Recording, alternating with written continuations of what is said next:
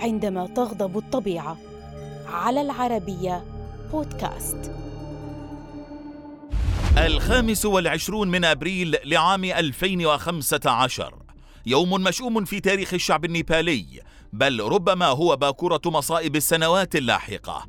فقبل ذلك الموعد كان بإمكان السكان ممارسة حياة طبيعية في بلد هو وجهة لسياح العالم.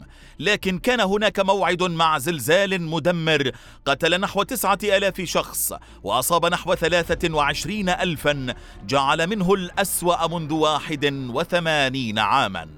فما قصته؟ في مملكة غورخادي على بعد نحو 80 كيلومترا شرق مدينة بوخارا ثاني أكبر مدن نيبال. وفي منتصف الطريق تقريبا إلى العاصمة كاتماندو. شعر الناس بهزة أرضية كبيرة. سجلت 7.8 درجات على مقياس ريختر. انهارت عدة مبان في وسط كاتماندو. بما في ذلك معبد كاماتيف وبرج دهارار التاريخي. المدرجان في قائمة اليونسكو للتراث العالمي وغيرهما من الآثار الثقافية بعد أن كانت اليونسكو قد أضافت وادي كاتماندو بالكامل إلى قائمة التراث العالمي.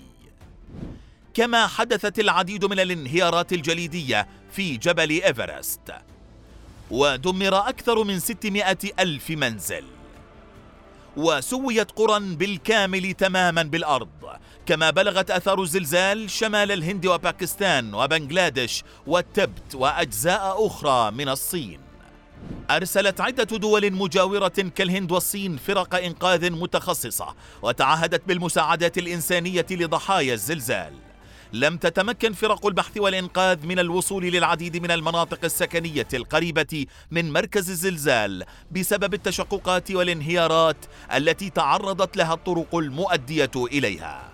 تدخل برنامج الأغذية العالمي بنقل المساعدات على نطاق واسع في البلاد وحذرت منظمة اليونيسف من تعرض مليون طفل لأمراض معدية ومياه ملوثة تهدد حياتهم.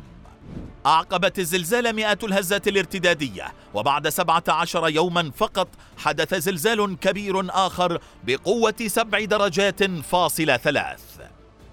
قدرت حصيلة الضحايا بنحو تسعة آلاف قتيل وثلاثة وعشرين ألف مصاب فيما أصبح الملايين بلا مأوى في العديد من المناطق.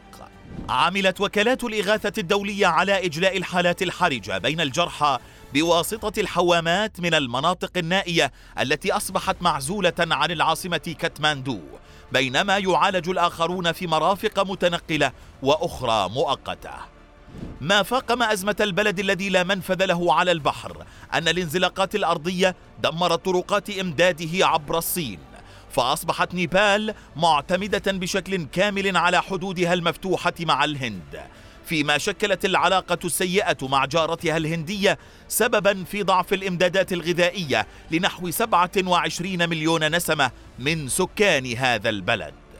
كان حدثا كارثيا بكل المعطيات. مئات الآلاف من الناس فقدوا كل شيء وواجهوا الفقر المدقع.